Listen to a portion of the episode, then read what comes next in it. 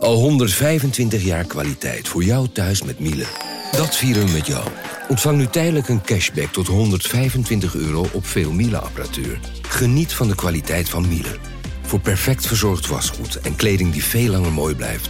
Voor een stralend schone vaat, even perfect als jouw diners. En een stofvrij thuis waarin echt hygiënisch schoon de standaard is. Check miele.nl voor alle feestelijke aanbiedingen. Ik ben al jaren ondernemer, maar waar moet ik eigenlijk allemaal aan denken nu ik voor het eerst personeel wil aannemen, voor het eerst ga importeren of voor het eerst een bedrijfslocatie zoek? Weet wat je wel of niet moet doen bij zaken die je voor het eerst oppakt. Check kvk.nl voor praktische stappenplannen. KVK, hou vast voor ondernemers. Vanaf de redactie van NRC het verhaal van vandaag. Mijn naam is Thomas Ruip.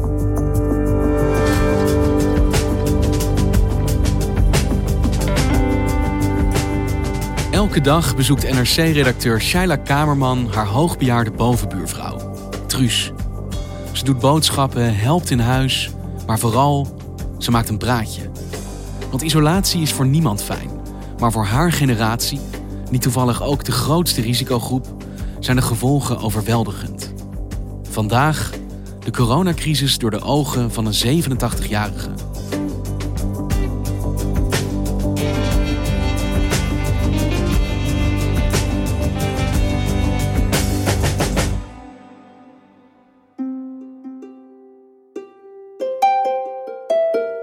Ziet eruit als een echte oma, vind ik.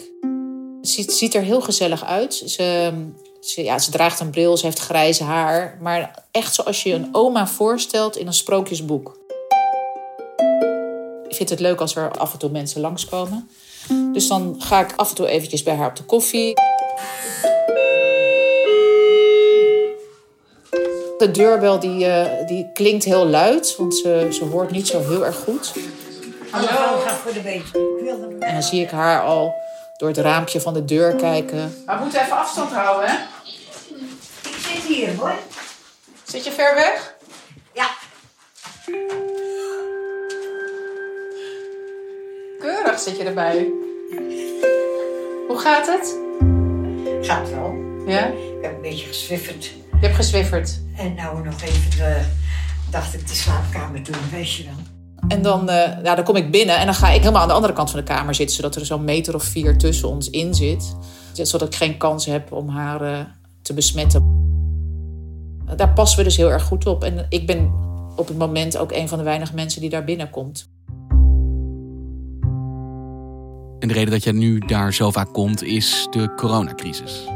Ja, precies. Want eh, dat heeft haar, haar leven en het leven van heel veel mensen die ouder zijn en alleen wonen natuurlijk enorm veranderd. Toen hij de, de eerste keer eigenlijk zo'n beetje dat eh, gezegd heeft van we moeten zus en we moeten zo en oppassen en een anderhalve meter bij elkaar vandaan blijven. En dan schrik je toch wel. Dat je denkt, jee, wat hangt me nou boven mijn hoofd? En nou ja, dan op een gegeven moment dan denk je, jee, er komt geen end aan.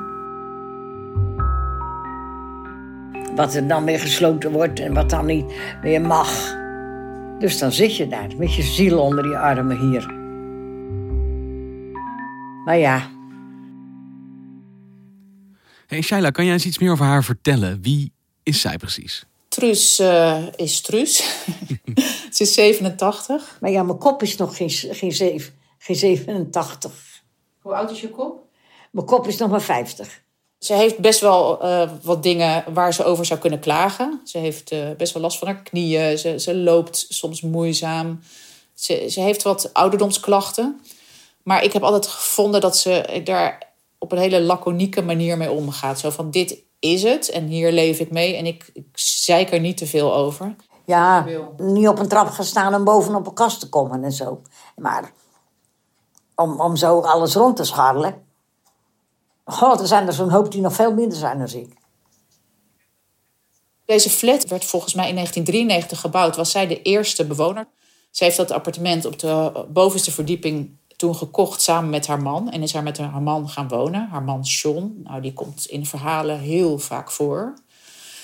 met John heeft zij heel, heel veel jaren een ehm, winkel voor tropische vissen en vogels gehad in Rotterdam. Dus die beesten die moesten te eten hebben. Het water moest op peil blijven. Noem maar op. En dat, dat, dat, dat deed ik toen destijds met John natuurlijk. En toen zij gepensioneerd zijn en die winkel op een gegeven moment verkocht hebben, toen zijn ze met z'n tweeën in dat appartement getrokken, in de flat. Dus ze heeft met haar man nog heel veel leuke dingen gedaan.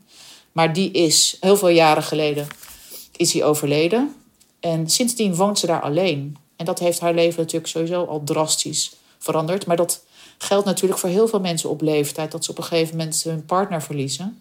Alleen achterblijven en het dan uh, maar in hun eentje moeten zien te fixen. Na het overlijden van haar man zie je dat ze gewoon langzamerhand, ze wordt ouder en is ze veel meer aan huis gebonden. Maar ik moet zeggen, dat heeft ze dan ook wel weer met een bepaalde voortvarendheid aangepakt. Want ze dacht, ja, ik zit gewoon toch te veel thuis. En zij heeft ehm, een aantal activiteiten opgepakt die ze gewoon dichter bij huis kon doen.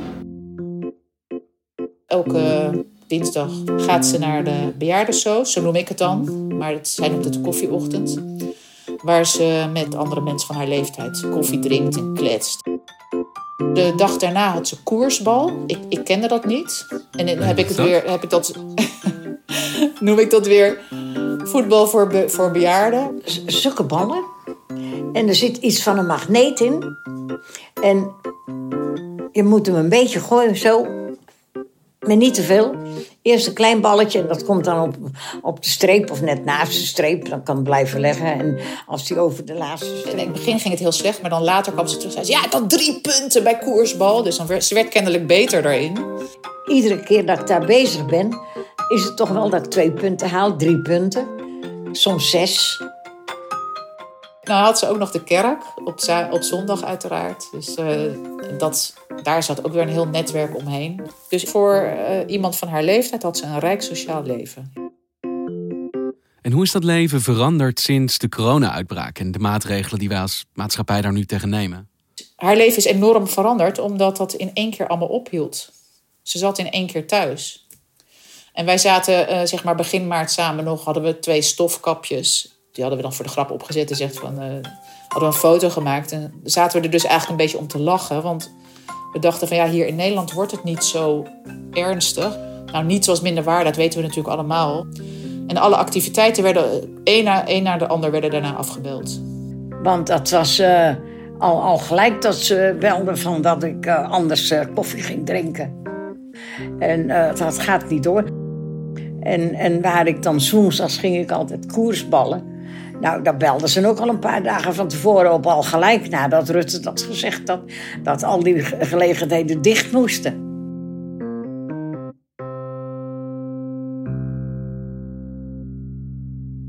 En hoe gaat zij daarmee om, met dat leven dat zo ingrijpend is veranderd? En meer, denk ik, ook nog dan misschien wel voor de meeste van ons. Zij, in het begin dacht ze... Ik, ik had er haast met dag 14 drie weken over. En uh, dan uh, rustig blijven, even binnen blijven. Die eerste twee weken is ze gewoon echt helemaal alleen maar thuis gebleven. En zij, ze merkte ook dat ze gewoon verzwakte. Want zeker als je 87 bent, zoals zij, dan, is het, dan ga je gewoon heel snel achteruit als je helemaal niks meer doet. En ze, ze beweegt natuurlijk wel in huis, dus ze, ze zwiffert het huis voortdurend. Heb je het hele huis gezwifferd? Ja, had ik gisteren ook niet gedaan, dus dan moet je het uh, vandaag weer wel doen. Hè? Uiteindelijk, je moet de boel toch een beetje proper houden, meid. Want uh, vlees wat uh, legt, dat bederft. Maar als dat de enige activiteit is, dan verzwak je echt. Dus op een gegeven moment hebben we daarover gehad. En toen zei ik van, uh, volgens mij kan je wel gewoon een blokje omlopen. Dus ging ze één blokje om. Nou echt wat ik in vijf minuutjes loop. Daar had ze dan een half uur over gedaan. En toen was ze echt zo moe zei ze van nou, ik voelde me echt ik, helemaal niet goed toen ik thuis kwam. Ik ben op bed gaan liggen en ik heb gewoon, moest echt een uur bijkomen. Dus nou doe ik eigenlijk ja, ene dag wel en de andere dag niet. Maar ja, dan ben ik er echt moe van. Om, omdat ik eigenlijk die 14 dagen is te lang geweest dat ik binnengebleven heb. En boodschappen, dat doe jij dan nu voor haar? Ik of mijn, een van mijn kinderen. Mijn zoon is uh, vakkenvuller bij de Albert Heijn, dus die kan nog veel beter dan ik dat kan, volgens haar. Precies vinden wat ze wil hebben. Twee dozen koffie en dan gewone ham om over de asperges te doen. En dan een stukje grillworst waar die kaas in zit. Want dat komt best wel nauw. En dan gewone kaas met die gatenkaas. Ze wil dan wel graag dat het precies is wat ze altijd heeft. En anders is het niet te pruimen, zegt ze. En dan botjes voor Lenny en een zak aardappelen van drie kilo. En witte veters, witte schoenveters. We zijn ook alweer een paar keer teruggegaan met iets wat net niet helemaal goed was.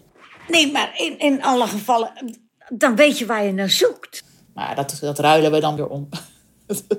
Uiteindelijk komt het altijd goed. Ik wil maar zeggen, je, ze wil gewoon, en dat, dat snap ik ook, weet je, want je geeft alles uit de handen. Je wil ook nog iets, nog iets in eigen hand houden als je, als je alles door anderen voor je moet laten doen. Want dan ben je van, van iemand anders afhankelijk, waar je heel lang alles zelf hebt kunnen doen. Maar, maar vind je dat, is dat een vervelend gevoel als je afhankelijk moet zijn van anderen? Vreselijk. Want met wat hulp bij boodschappen die jij dan biedt en je zoon, kan zij verder voor zichzelf zorgen? Of is ze van meer mensen afhankelijk in haar dagelijkse leven? Nou, ze, is, uh, ze is afhankelijk van iemand die de kousen aantrekt, waar ook heel veel discussie over is.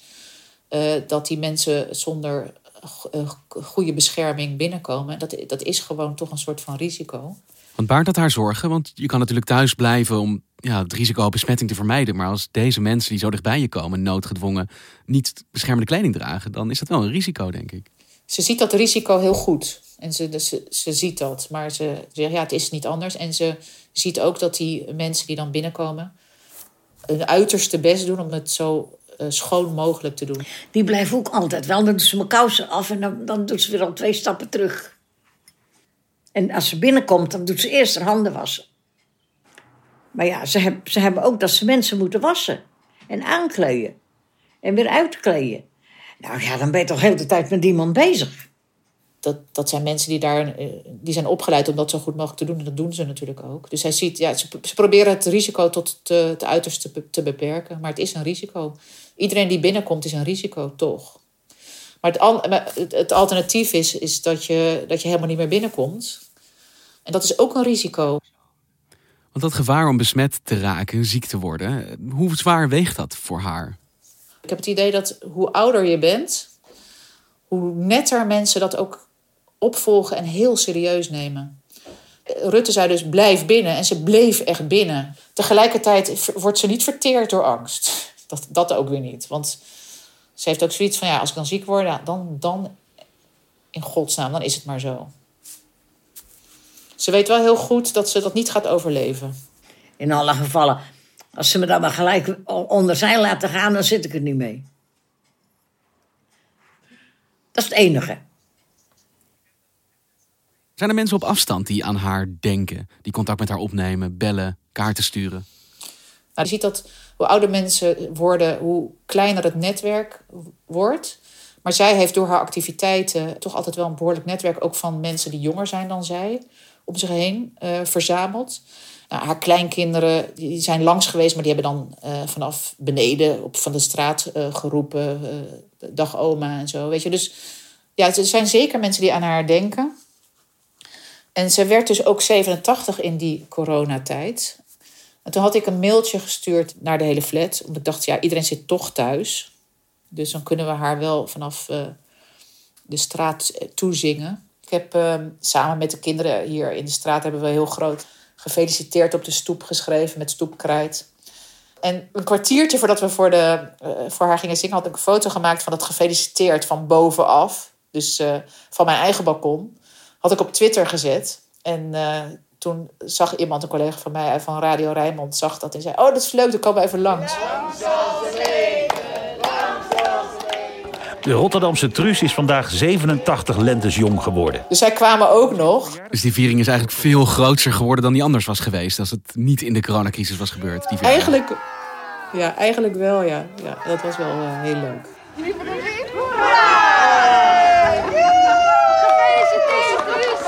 Als ik het zo een beetje hoor, dan klinkt zij eigenlijk redelijk rustig wel. Misschien bijna laconiek onder wat er gebeurt om haar heen. Maar heb jij, als jij bij haar komt, het gevoel dat dit erg voor haar is? Ja, nou, je wordt er gewoon heel erg geconfronteerd met het feit dat als je ouder bent, alleen bent, niet werkt. Weet je, al die dingen die wij, waar wij zo druk mee zijn.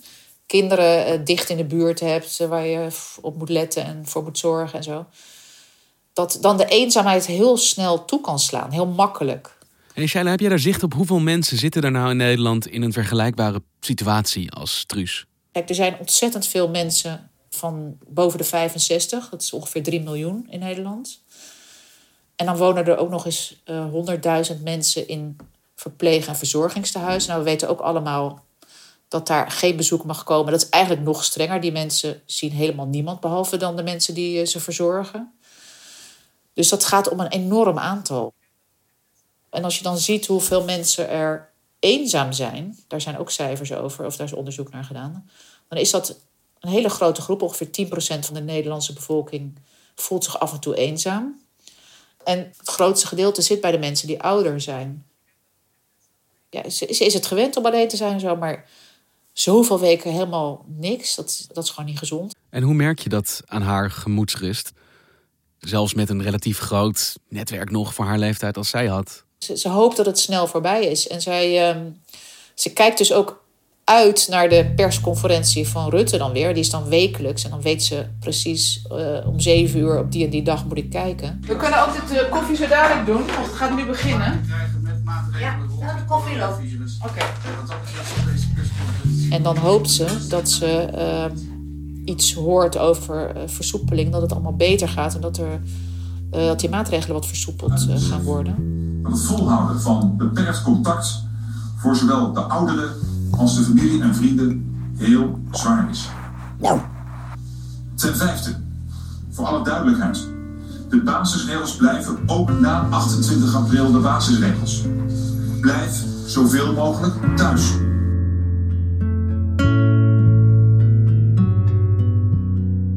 Maar wat vind je er nou uh, uh, van voor jezelf?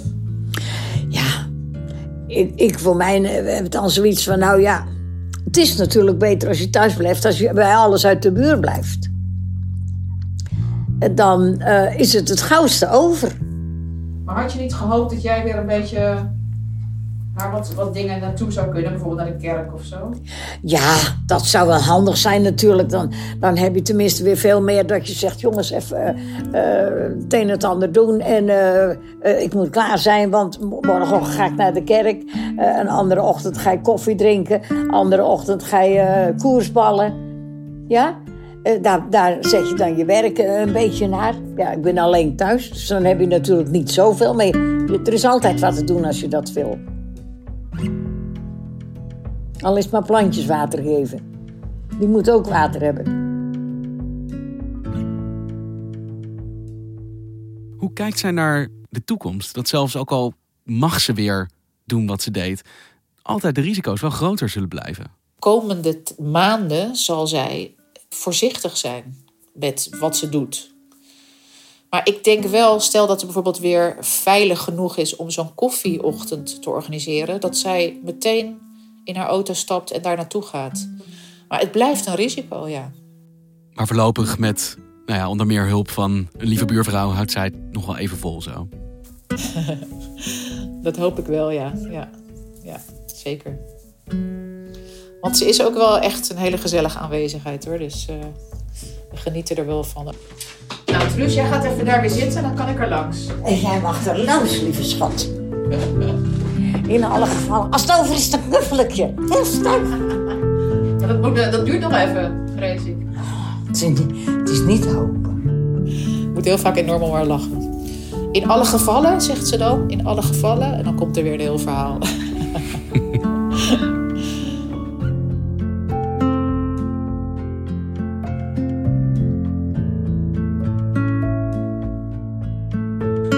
Dankjewel, Shaila.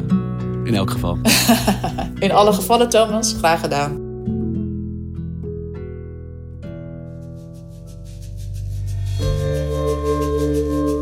Je luisterde naar vandaag, een podcast van NRC. Eén verhaal, elke dag. Dit was vandaag, morgen weer.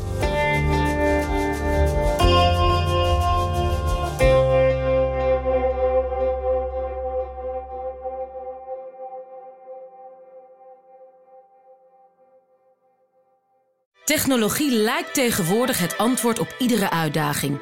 Bij PwC zien we dit anders. Als we de potentie van technologie willen benutten, kunnen we niet zonder een menselijk perspectief. Human-led, tech-powered noemen we dat. Ga naar pwc.nl.